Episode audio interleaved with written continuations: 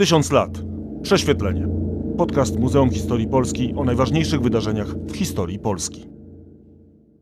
Dziś w podcaście będzie o niezwykłej rewolucji, rewolucji technicznej, a po XIX-wiecznym mieście oprowadzi nas profesor Michał Kopczyński z Muzeum Historii Polski. Część pierwsza. Miasto. Przemija postać świata. Panie profesorze, po co ludziom miasto? po to, żeby zgromadzić się na stosunkowo niewielkiej przestrzeni, po to, żeby, a ponieważ miasta w naturalny sposób stają się obiektami agresji, po to, żeby się w miarę skutecznie bronić, a po to, żeby ludność e, okoliczna, ta, która nie ma jakichś murów czy umocnień, w razie czego mogła tam uciec, po to, żeby władza mogła kontrolować kraj, taka władza jak powiedzmy Krzyżaków nad y, Prusami, nad krajem sobie przynajmniej początkowo wrogim. Taka władza jak powiedzmy Mieszka I i Bolesława Chrobrego też raczej nad krajem początkowo sobie nieprzychylnym, żeby nie powiedzieć wrogim. Ale także po to, i to w późniejszym troszeczkę czasie, w y, średniowieczu, w okresie XII-XIII wieku, miasta są po to, żeby y, można było organizować w nich targi, dzięki czemu będzie za pośrednictwem pieniądza można wymieniać produkty jakieś miejskie na towary rolne. Po to, żeby chłopi mogli płacić w pieniądzu, a nie w naturze, e, daniny swoim właścicielom.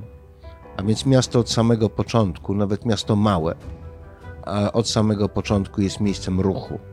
Takiego ruchu kapitału, ruchu ludzi, ruchu idei. Początki miasta tak naprawdę giną gdzieś w mrokach dziejów. Znacznie przed czasami opisanej historii świata e, powstały.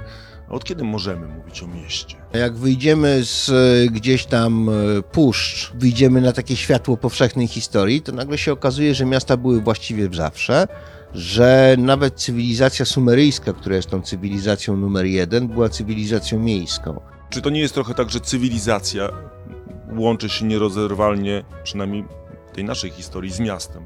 Że jeżeli jest cywilizacja, czy jest jakiś układ plemienny, państwowy i tak dalej, to jest jakieś centrum mm, władzy, religii, a wokół tego rośnie coś w rodzaju miasta. Oczywiście, że tak. Miasto, świątynia, władca to jesteśmy przy tym modelu s- takim sumeryjskim i powiedzmy sobie gdzieś tam wschodnim. I wtedy rośnie państwo. Także miasto od tego właśnie jest. Od centralizacji, od państwa, od, jak powiedziałem, oliwienia gospodarki. No i można było powiedzieć, że bardzo długo, po Jerychu, a gdzieś aż do końca XVIII wieku właściwie, można by powiedzieć, że miasta są centrami gospodarczymi. To jest gospodarka miast. Gdzieś, jak jesteśmy w starożytności, to będą to Ateny, gdzieś w Grecji, oczywiście Rzym. Jedno z największych miast z epoki przedprzemysłowej, tak naprawdę ponad milion e, ludzi miał w swoim takim naj, naj, największym rozkwicie.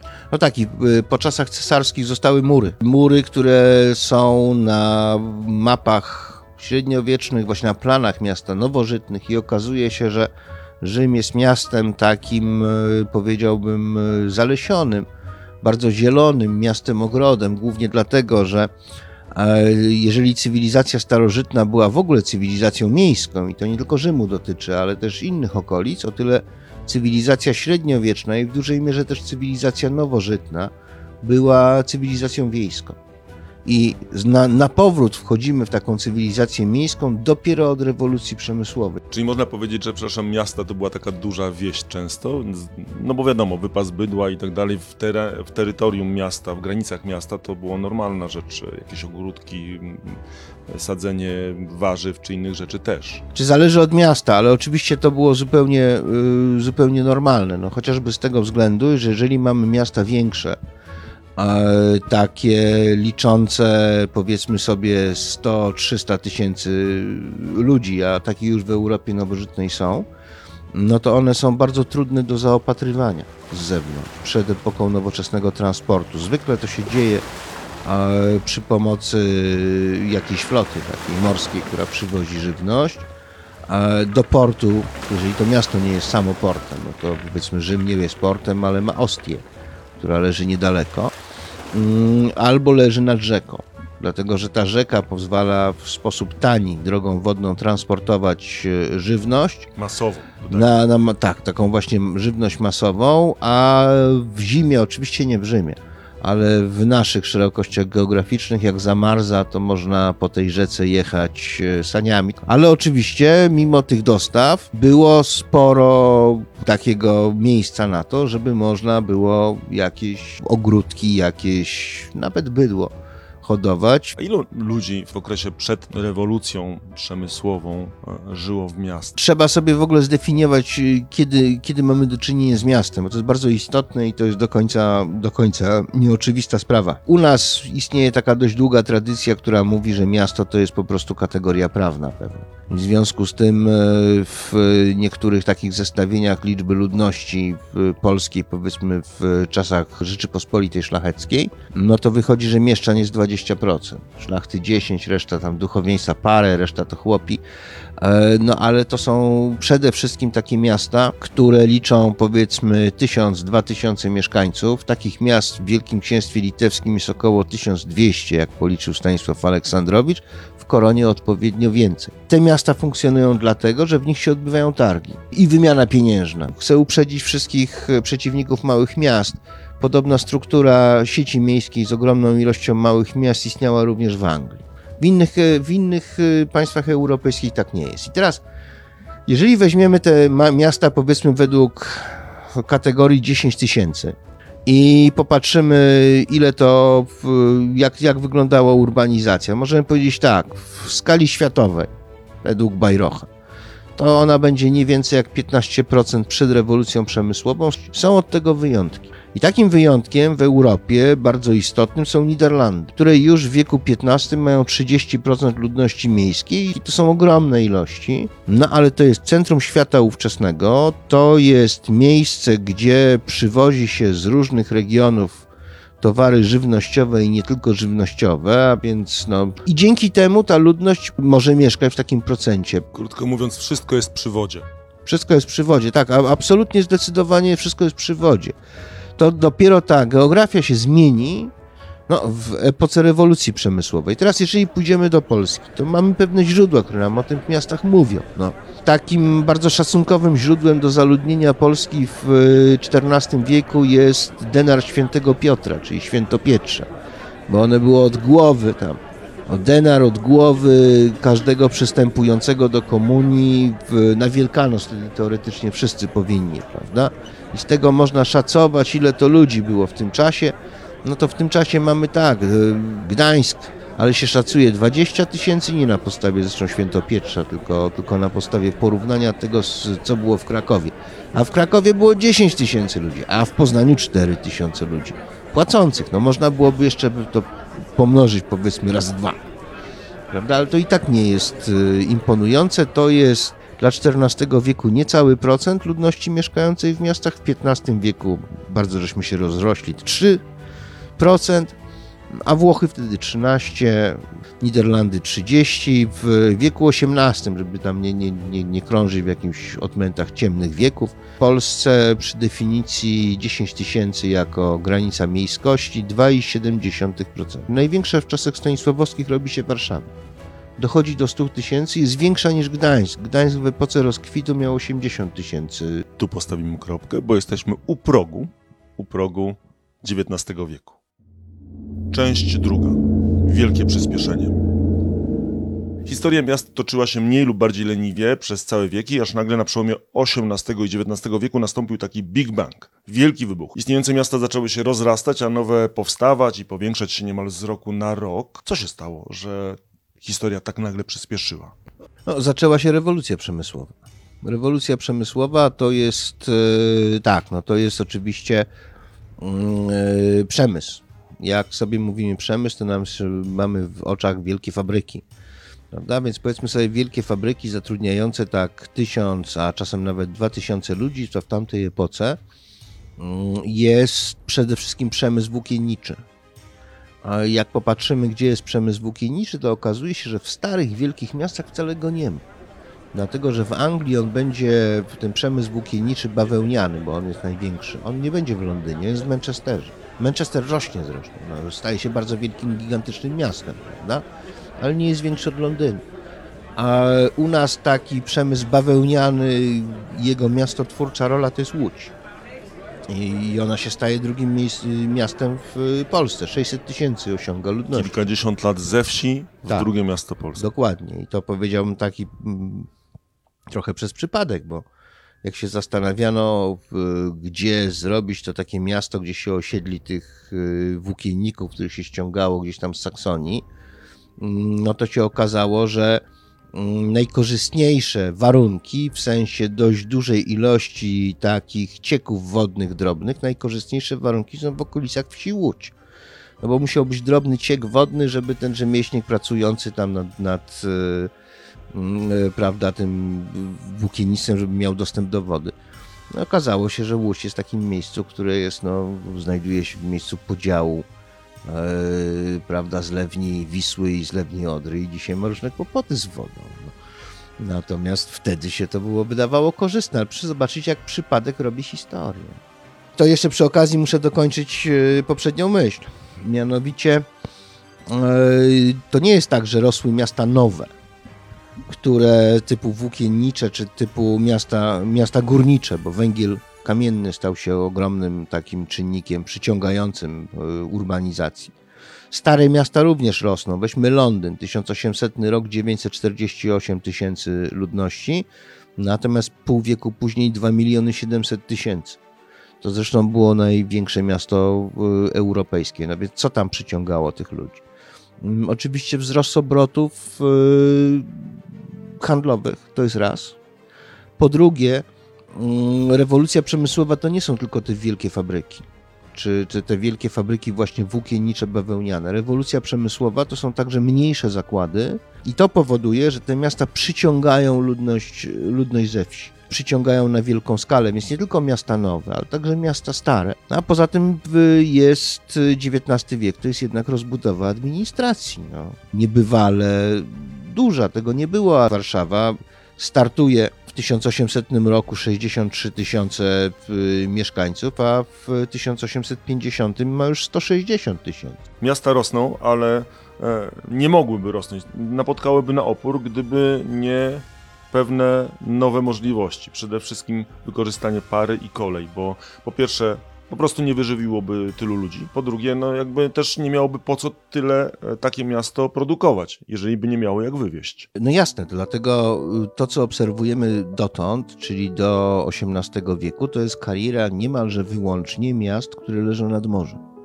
Jest paradoksem, że na przykład nasz rynek zbożowy, który najlepiej mniej więcej znamy, prawda, to jest Gdańsk i on jest, y, i to są do, y, Wisła i jej dopływy. I w gruncie rzeczy, jeżeli odejdziemy 30 kilometrów od takiego dopływu Wisły, to tam się kończy związek Rzeczypospolitej z gospodarką europejską. W tym momencie się kończy. Na 35 kilometrze nie ma nic, dlatego że koszta transportu są tak koszmarnie wysokie, że zanim się dowiezie do tej pierwszej wody, to cena tego zboża, które się wiezie, wszystkiego, cokolwiek się wiezie, rośnie dwukrotnie. Więc ono, on nie jest w stanie konkurować na rynku. W momencie, gdy przychodzi kolej, którą można położyć w różnych miejscach, prawda? w momencie, gdy dochodzi kolej, nagle się okazuje, że miejscowość, co leży 30 km od, czy 35 km od rzeki, ona już może być częścią systemu gospodarczego, bo leży 20 km od kolei. I to jest niesłychanie jednoczące, jednoczące kraj. I raz kolej powoduje również, że zmienia się czynnik miastotwórczy. Dotąd była to woda.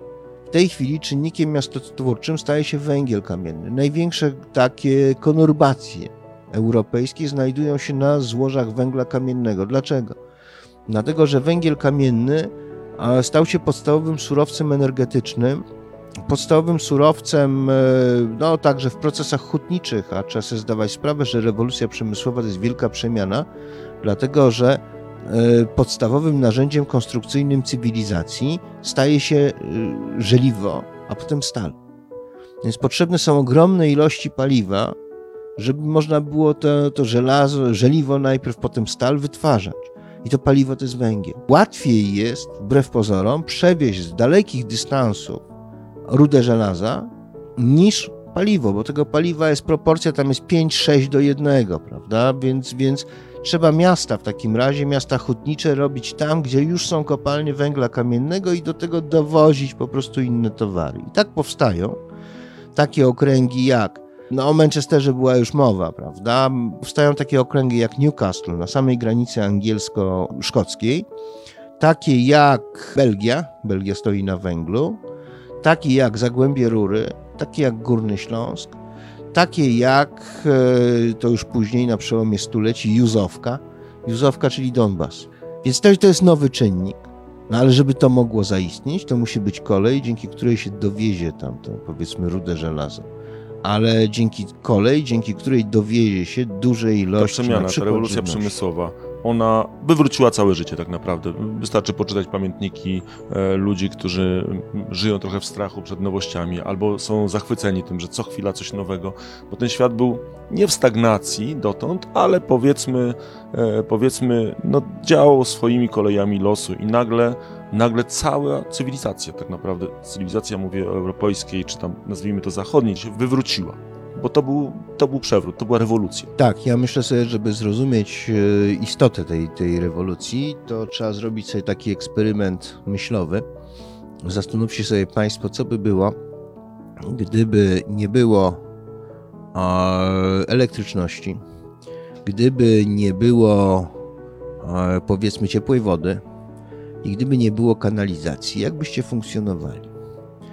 I jak tak się zastanowicie nad tym, jak byście funkcjonowali tak na co dzień, to się okaże, że ten świat kultury materialnej i warunków życia, w którym my żyjemy dzisiaj, a ten świat, który był powiedzmy w połowie XIX wieku, czy już w czasie, kiedy ta rewolucja przemysłowa się rozwijała, kolej już była i tak dalej, to są po prostu takie światy, tak od siebie oddalone, jak jakieś tam Mohenjo-Daro, prawda, gdzieś tam w e- epoce neolitycznej, od naszego świata. To naprawdę niewielka różnica już. na takie, dokładnie, na takie przemiany trzeba było dotąd czekać setki lat, tysiące lat, a tu zmieniło się w No, czekać bez lat. skutku, powiedzmy Często sobie. bez skutku. Chodzi mi tylko o to, że jakby e, ludno, ludzkość się jakoś tam rozwijała, ale to trwało setki lat, a tu nagle dziesiątki. O tej przemianie miasta będzie za chwilę w części trzeciej. Część trzecia. Miasto od środka. No to zajrzyjmy do tego środka miasta. Te, te wielkie zmiany demograficzne musiały ze sobą pociągnąć też zmiany w wyglądzie i funkcjonowaniu miasta. To jest oczywiste, no bo, bo bez tego nie dałoby rady.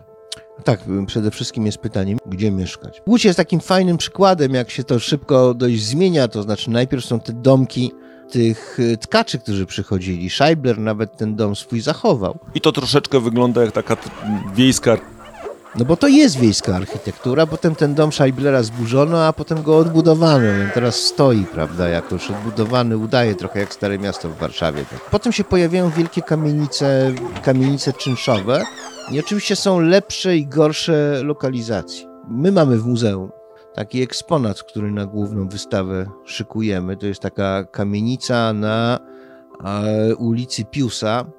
Dzisiaj to jest piękna. Z przełomu XIX i XX wieku.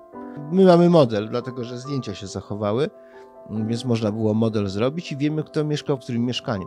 Rejestry były tych mieszkańców, y, tam się trzeba było meldować i wymeldowywać, jak ktoś nawet na tydzień wyjeżdża. To jeszcze tylko dodam, że to nie jest tylko tak, jak teraz w obecnych miastach jest często, że są dzielnice nędzy, dzielnice bogactwa mm, i tak dalej, i tak dalej, dzielnice artystów, ale e, to nie tylko poziomo się rozkładały te, te, te, te kwestie materialne czy zamożności, ale właśnie pionowo i o tym teraz myślę e, porozmawiamy. Tak, oczywiście. To znaczy jest e, tak, że od frontu, czyli od ulicy, jest e, na pierwsze piętro, drugie piętro, no i parter też, ale pierwsze piętro jest najlepsze, za dużo nie trzeba chodzić, wind.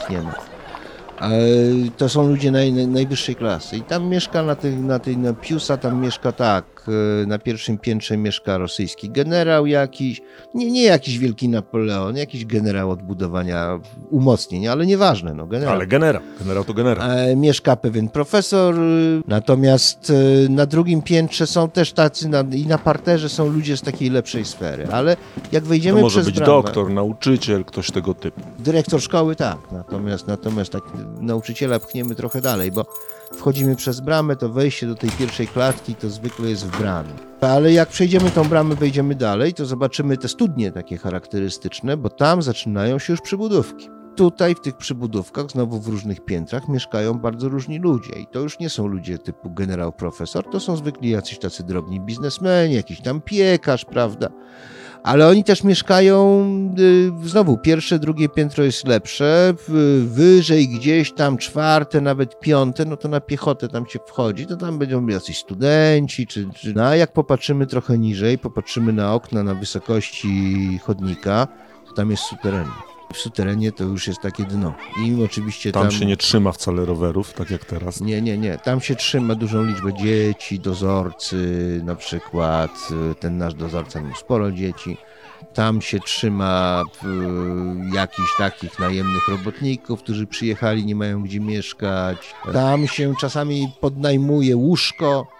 No bo ludzie pracują takie zmiany po 10 razem 12 godzin, w związku z tym jeden przychodzi do łóżka w, dzień, a drugi przychodzi do łóżka w noc. Od razu ma ciepłą pościel. Generalnie rzecz biorąc, sufit i podłoga jest granicą klasową. To jest bardzo charakterystyczne. Oczywiście są takie regiony miasta, gdzie ten sufit i podłoga nie jest żadną granicą klasową, dlatego że tam po prostu nikt z lepszego towarzystwa nie mieszka. To mieszkanie, od szczegółu, może tego mieszkania, wróćmy do ogółu, bo y, miasta stają się niewydolne, no bo dotąd były rynsztoki, doły kloaczne i dla kilku tysięcy ludzi to dało radę, ale jak przyjeżdża już kilkadziesiąt czy kilkaset tysięcy ludzi, jest na co dzień w tym mieście, to po prostu staje się niebezpieczne dla, dla samego miasta. Tak, to są dwie jakby straszliwe choroby, to znaczy jedna jest endemiczna i to jest e, gruźlica.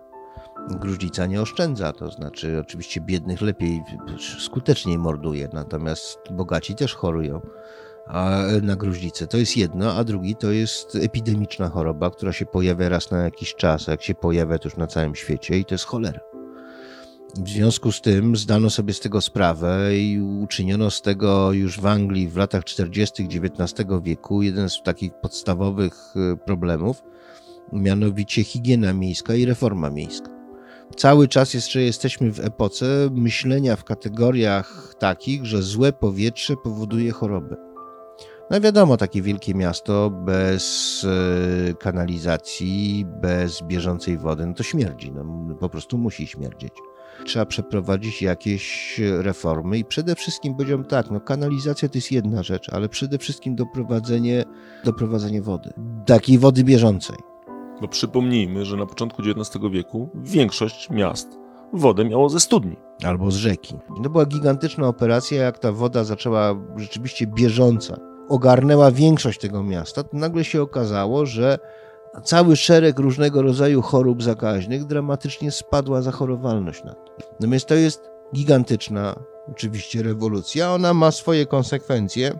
Mieszkańcy takich miast, którzy się myli powiedzmy dogłębnie, raz, dwa razy do roku. Tak. Takie są według Stefana Kieniewicza, wybitnego historyka, szacunki dla Warszawy. Tam mniej więcej tych, tych, tego XIX wieku, że średnio warszawiak dwa razy do roku e, brał kąpiel, prysznic, coś w tym stylu. Tak, tak, dlatego że w łaźniach odnotowywano, o, odnotowywano ile razy. A, a większość mieszkań nie miała, nie miała oczywiście, nie miała też łazienek, nawet po, nawet po wprowadzeniu tej kanalizacji do kuchni, to do, ta, ta woda była doprowadzona. Kilka procent miało łazienki, jeżeli dobrze kojarzę. No nie będziemy tutaj mówić, czy dwa, czy, czy, czy cztery, czy pięć, ale to mniej więcej tak wyglądało. To samo z tak. ubikacjami zresztą. Więc y, to była reforma, która niesłychanie dużo zmieniła i też zmieniła w takim rytuale codziennego życia. Oczywiście nie będę o tym mówił, każdy się może sam domyśleć. Kolejna rzecz z takich, y, z takich reform miejskich, które w sposób radykalny zmieniają sposób życia, no to jest komunikacja. To jest komunikacja, w, która dotąd była komunikacją taką wozy, prawda, i dla, dla ludzi dorożki. Bo znowu wracamy do tego momentu, że tak naprawdę nie było potrzeby w, w sytuacji, nie wiem, mm, XVIII wieku, XVII czy XVI, ponieważ te miasta były niewielkie. Znaczy komunikacji wewnątrzmiejskiej, bo o tej mówimy, bo komunikacja oczywiście między miastami e, to zupełnie inna historia. Proszę sobie wyobrazić, te wszystkie środki transportu ciągnione są przez konie. I to jest gigantyczne zgromadzenie ludzi, to miasto. I gigantyczne zgromadzenie koni. Byli nawet tacy uczeni, wizjonerzy, zawsze tacy histerycy są, którzy mówią, zaraz będzie koniec świata. Wyliczali perspektywy to dla Paryża. E, Przy jakiej ilości koni nastąpi y, masowe zatrucie ludności poprzez y, amoniak y, pochodzący z, od, z odchodów. Ile w tym Paryżu tych koni było wtedy? Było mniej więcej tyle, co i ludzi. Weźmy sobie połowę XIX wieku, to jest milion ludności, milion, niecałe milion sto. No to w drugi milion sto to są konie. Z tym, że one oczywiście nie mieszkają w samym mieście. No, one pojawiają się w tym mieście w mniejszej czy większej ilości, natomiast na przedmieściach mają swoje garaże. Powiedziałem w ten sposób, że w pewnym momencie, kiedy pojawia się tak, no, pojawia się tramwaj, najpierw tramwaj jest konny, potem tramwaj jest elektryczny, a w pewnym momencie, jak pojawia się samochód, to władze wszystkich metropolii, od Londynu przez Warszawę, starają się konie usunąć z centrum miasta. Kończymy część trzecią. Teraz, e, jak już wiemy, że to miasto się zrewolucjonizowało, że mamy już i wodociągi, i kanalizację, światło też, transport miejski, no to porozmawiajmy o tym już nowoczesnym w pewnym sensie mieście, mieście, w którym tworzą się takie rzeczy, które dla nas są codziennością, a wtedy to był dopiero początek. Część czwarta. Rodzi się nowoczesność. No bo w ślad za rozrostem e, tych miast pojawiły się absolutnie nowe zjawiska. Nie było ich, no bo nie były potrzebne, albo były marginalne. Na przykład miejsca spędzania czasu po pracy. Pracowano długo, po 11-12 godzin, ale jeszcze był ten czas, żeby, żeby ewentualnie wyjść. Czy w ogóle pojawia się kategoria czasu wolnego jako takiego? Jest, jest jeden dzień w tygodniu wolny, prawda? A, no poza tym ten kategoria czasu wolnego, bo po tych 10 godzinach powiedzmy sobie pracy, w większych zakładach to jest krócej. Ale w... To pewnie zależy też od w którym roku. Tak, no jasne, ale ograniczenia były wprowadzone sukcesywnie. tak, no więc jest pytanie, co z tym czasem wolnym zrobić. I tutaj są, jest parę różnych możliwości. Sport się rzeczywiście wtedy pojawia w tamtych, w tamtych czasach, sport całkowicie amatorski. Tutaj szaleństwo, to sportowe szaleństwo to są rowery. Dynasy, prawda, i, i, i, i rower ma taki, taki właśnie charakter. Bolesław Prus nazwał rower największym i najcudowniejszym wynalazkiem XIX wieku. Bolesław Prus był fanem kolarstwa. Albo Bolesław przynajmniej Prus- jeżdżenia na rowerze. Bolesław Prus jeździł na rowerze i początkowo nawet jeździł na tym bicyklu z tym y, dużym przednim kołem. On był zresztą w ogóle fanem nowoczesności, pisał na maszynie, jak się pojawiła. A także to był człowiek niesłychanie now, no, nowoczesny. Odejdźmy od, e, e, od tego, od rowerów. E, oczywiście tak, no są kawiarnie, e, są różnego rodzaju e, lokale gastronomiczne. Przy czym trzeba sobie zdawać sprawę, że obok tak zwanych lokali gastronomicznych, takich restauracji jak dzisiaj, co tam powiedzmy pójdziecie za 30 zł płacicie za jedno danie, czyli takich wyższych, to obok tego jest cała masa szynkowni, gdzie za tanie pieniądze można zjeść. I to jest dla takiego zwykłego ludu, Dlatego, że znaczna część, nie, mówię o jednoizbowych, ale znaczna część mieszkań, nawet dwuizbowych, po prostu nie ma kuchni. Ponad 90% z wszystkich restauracji, kawiarni, szynkowni, e, garkuchni, wszystko jedno jak to zwał, tak zwał, to ponad 90% to są właśnie takie. Wtedy się zresztą pojawiają takie pomysły, bar mleczny, wtedy się rodzi ta idea na przełomie XIX i XX wieku. No więc to jest takie miejsce, prawda, żeby wyjść gdzieś na, y, na zewnątrz, wyjść poza dom, bym powiedział. Poza tym pojawiają się świątynie handlu, no to co my tutaj my znamy. Jeśli chodzi o handel, no to pierwsze formy tego, bo zawsze to były jakieś takie jarmarki, coś takiego. Natomiast pierwsze formy tego, tego handlu to są targowiska różnego rodzaju. Powstają też, można nazwać to wczesnymi galeriami, takie nowoczesne, eleganckie domy handlowe. Tak, ale zanim o domach handlowych, to jeszcze trzeba powiedzieć o sklepie. A trzeba zdawać sobie sprawę, że sklep jest też wymysłem XIX-wiecznym. Wcześniej, tak, no, rzemieślnik sprzedawał z okna swojego warsztatu. Natomiast my dzisiaj, jak idziemy, to mamy na poziomie parteru mamy poprzebijane okna wielkie wystawowe i właściwie w każdym domu, przynajmniej w centrum miasta, jest y, jakiś sklep z witrynami. To jest pomysł XIX-wieczny i to w XIX wieku wybijano takie witryny po prostu w y, domach, pojawił się sklep. Sklep, który był, nie był sklepem spożywczym, był sklepem takim eleganckim, dla eleganckiej klienteli. Żywności nie opłacało się sp- sprzedawać w takich y, warunkach, dlatego że takich dobrych warunkach, eleganckich, dlatego że kto tą żywność kupował? No, żywność, zakupem żywności na co dzień zajmowała się służba. Albo biedota kupowała żywność, no dla nich nie warto, albo służba, no więc, więc też Dla nich też nie wa- warto. też nie warto. Nie ma cen. Ceny stałe to jest wynalazek w ogóle rewolucyjny, który przychodzi do nas gdzieś tam z zachodu, z Francji w okresie międzywojennym. Natomiast wcześniej trzeba było się targować. Pojawiają się domy handlowe, no, wystawy i domy handlowe. Tutaj moda przychodzi z, z Francji e, na takie właśnie domy w połowie XIX wieku tam się, tam się rodzi. No i tutaj się chodzi od stoiska do stoiska, które się zajmują, są, mają różne specjalizacje. Wielu ludzi chodzi do takich sklepów po to, żeby po prostu popatrzeć. Kupić jakąś rzecz ewentualnie, ale, ale przede wszystkim spędzić dużo czasu na, na oglądaniu tego. Znają Państwo to skądś? To jest coś określonego, znaczy mam Ale to osobiste- właśnie tam ma swoje korzenie. Ta rewolucja handlowa e, to jest jedno, ale też rewolucja medialna. Były gazety wcześniej, były pisma wcześniej.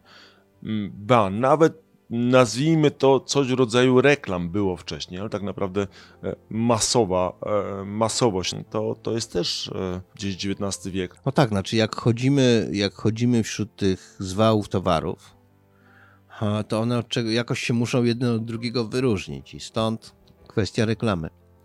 Reklama ewoluuje oczywiście, w, tak, my dzisiaj znamy reklamę obrazkową, natomiast reklama ewoluuje od postaci, ona jest prasowa naturalnie, od reklamy tekstowej, poprzez taką tekstowo-obrazkową, aż po obrazkową, po plakat i krótkie hasło. A wtedy zresztą na przełomie XIX i XX wieku na ziemię polskie dociera w ogóle jakaś taka teoretyczna refleksja nad tym, jak należy reklamy robić. Musimy kończyć, panie profesorze. Profesor e, Michał Kopczyński, Muzeum Historii Polski, był naszym gościem. Dziękuję bardzo. Dziękuję bardzo. Choć miasta towarzyszyły ludzkości od początku cywilizacji, to miasto, które znamy dziś, zaczęło rodzić się zaledwie nieco ponad 200 lat temu. Wtedy to wraz z wynalazkiem maszyny parowej rozpoczęła się rewolucja przemysłowa. To ona spowodowała, że miasta zaczęły błyskawicznie się rozrastać i ona sprawiła, że musiały zacząć gwałtownie się zmieniać. Wielkie kamienice, fabryki czy biurowce, prąd, bieżąca woda czy światło, wreszcie sklepy, kina czy cyrki. To właśnie spuścizna XIX-wiecznej miejskiej rewolucji. Wtedy zaczął się świat, w którym dziś żyje większość z nas. I to wszystko w tym wydaniu podcastu Muzeum Historii Polski 1000 lat prześwietlenie. Zapraszam na kolejne odcinki. Łukasz Starowiejski. 1000 lat prześwietlenie. Podcast Muzeum Historii Polski o najważniejszych wydarzeniach w historii Polski.